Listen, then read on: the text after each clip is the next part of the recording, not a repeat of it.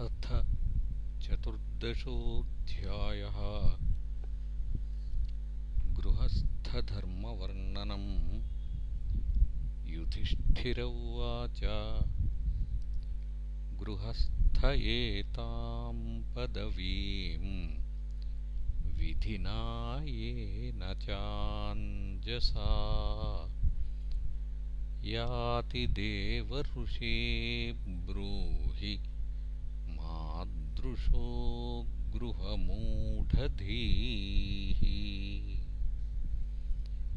नारद उवाच गृहेष्वस्थितो राजन् क्रियाः कुर्वन् गृहोचिताः। वासुदेवार्पणं साक्षादुपासीत महामुनीन् शृण्वन् भगवतो भीक्षमवतारकथामृतम् श्रद्दधानो यथा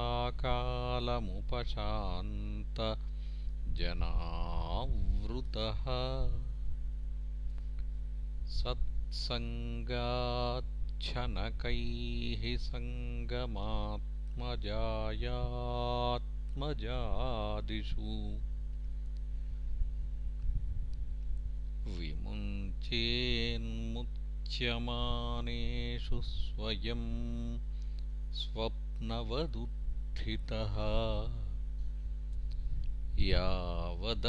यावदर्थमुपासीनो देहे गेहे च पण्डितः। विरक्तो रक्तवत्तत्र नृलोके नरताम् न्यसेतु। ज्ञातयः पितरौ पुत्रा भ्रातरः सुहृदोपरे यद्वदन्ति यदिच्छन्ति चानुमोदेत निर्ममः। दिव्यं भौमं चान्तरिक्षं वित्तमच्युतनिर्मितम् तत्सर्वमुपभुञ्जान एतत्कुर्यात् स्वतो बुधः। यावद् ्रियेतजठरं तावत् स्वत्वं हि देहिनाम् अधिकं योऽभिमन्येत सस्तेनो दण्डमर्हति। मृगोऽस्त्रखरमर् काखुसरीसृखगमक्षिकाः आत्मनः पुत्रवत् पश्येत् तैरेषामन्तरं कियत्? त्रिवर्गं नातिकृच्छ्रेण भजेत गृहमेध्यपि। यथादेशं यथा कालं यावद्दैवोपपादितम्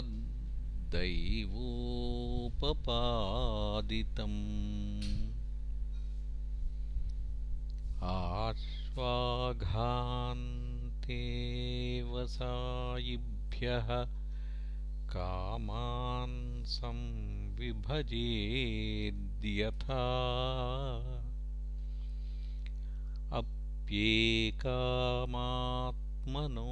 दारां नृणां स्वत्वग्रहो यतः।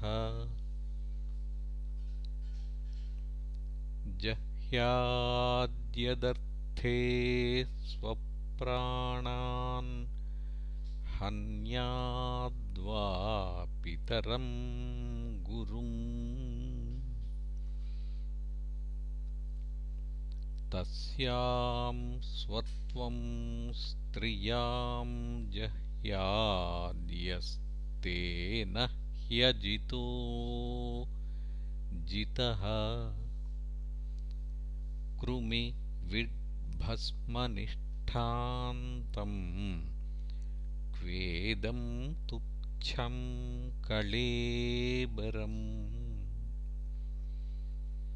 क्व तदीयरतिर्भार्या क्वायमात्मानभश्चदिः। सिद्धैर्यज्ञावशिष्टार्थैः कल्पयेद्वृत्तिमात्मनः शेषे स्वत्वं त्यजन् प्राज्ञः पदवीं महतामियात्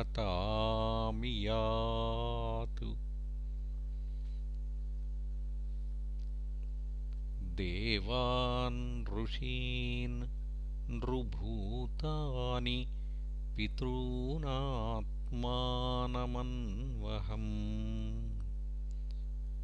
स्ववृत्त्यागतवित्तेन यजेतपुरुषं पृथक् यर्ह्यात्मनोऽधिकाराद्याः सर्वास्युर्यज्ञसम्पदः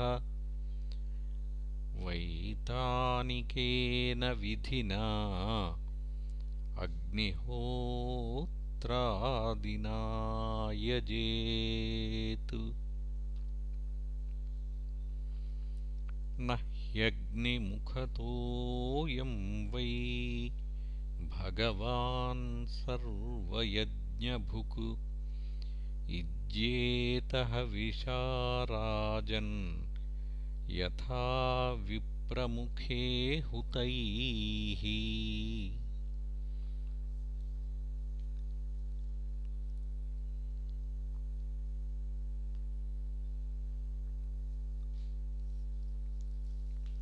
तस्माद्ब्राह्मणदेवेषु मर्त्यादिषु यथार्हतः। तैस्तैः कामैर्यजस्वैनं क्षेत्रज्ञं ब्राह्मणानमा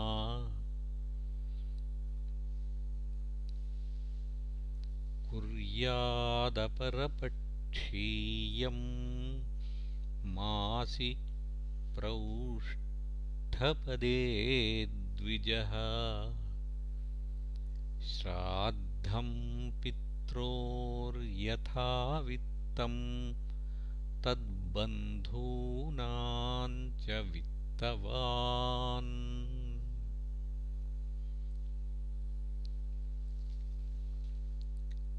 अयने विषुवे कुर्याद्व्यतीपाते दिनक्षये। चन्द्रादित्योपरागे च द्वादशे श्रवणेषु च तृतीयायां शुक्लपक्षे नवम्यामथ कार्तिके चतसृष्वप्यष्टकासु हेमन्ते शिशिरे तथा माघे च सितसप्तम्यां मघाराकासमागमे राकया चानुमत्या वा मासर्क्षाणि युतान्यपि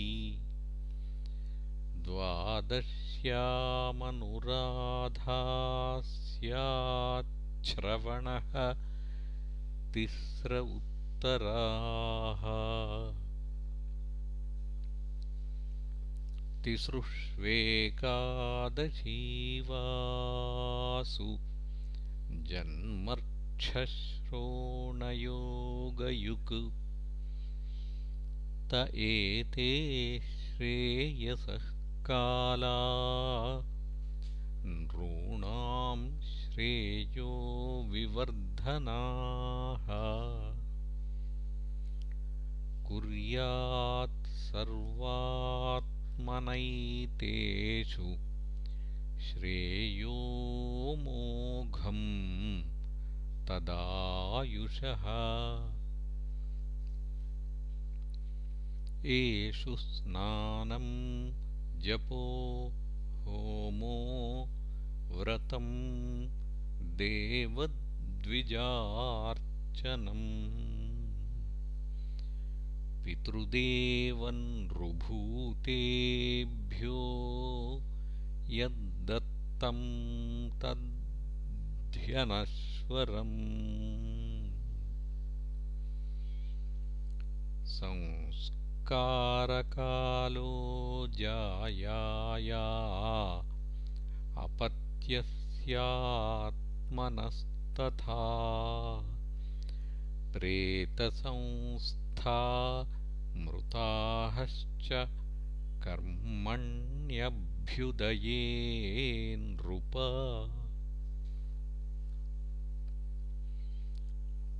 अथ देशान् प्रवक्ष्यामि धर्मादिश्रेय आवहान्। स वै पुण्यतमो देशः सत्पात्रं यत्र लभ्यते।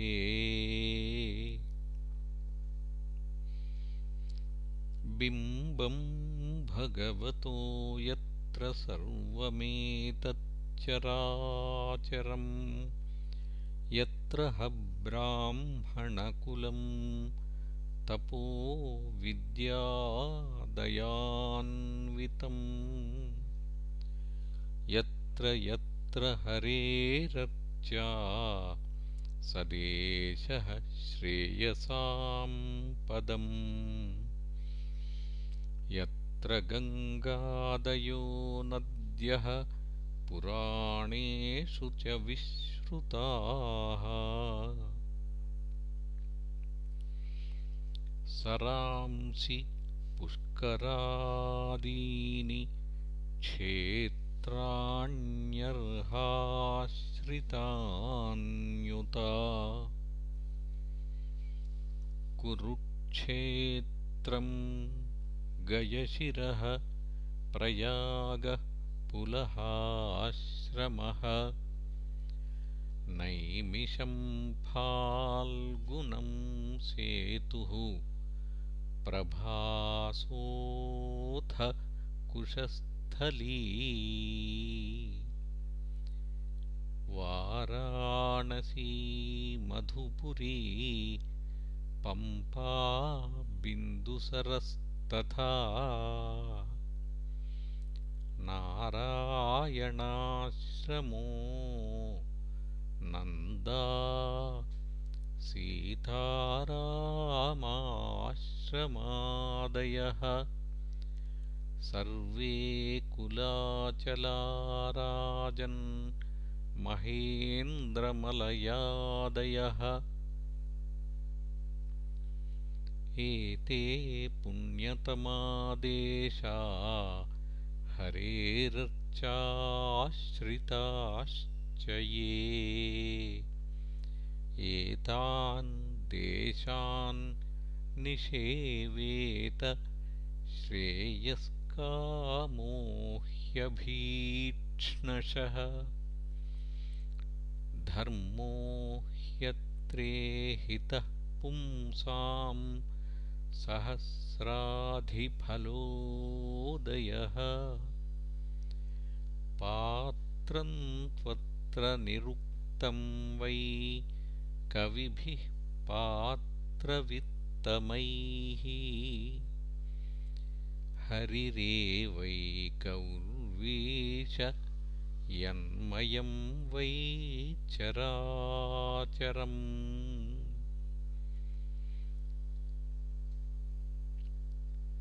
देवर्ष्यर्हत्सु वै सत्सु तत्र ब्रह्मात्मजादिषु। राजन् यदग्रपूजायां मतः पात्रतयाच्युतः जीवराशिभिराकीर्ण अण्डकोशाङ्घ्रिपो महान्। तन्मूलत्वादच्युतेज्या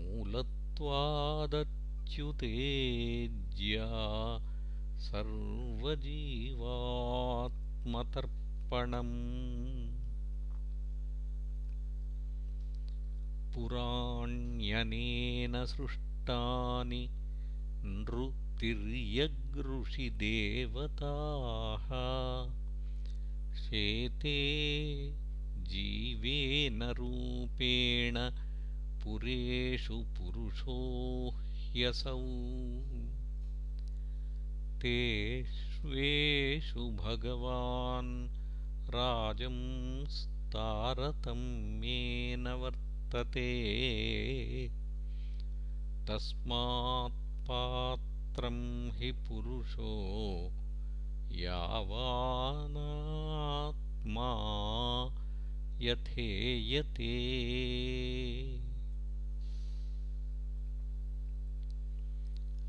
दृष्ट्वा तेषां मिथो नृणामवज्ञानात्मतां नृप त्रेतादिषु हरेरर्चा क्रियायै कविभिः कृता। ततोर्चायां हरिं केचित् संश्रद्धाय सपर्यया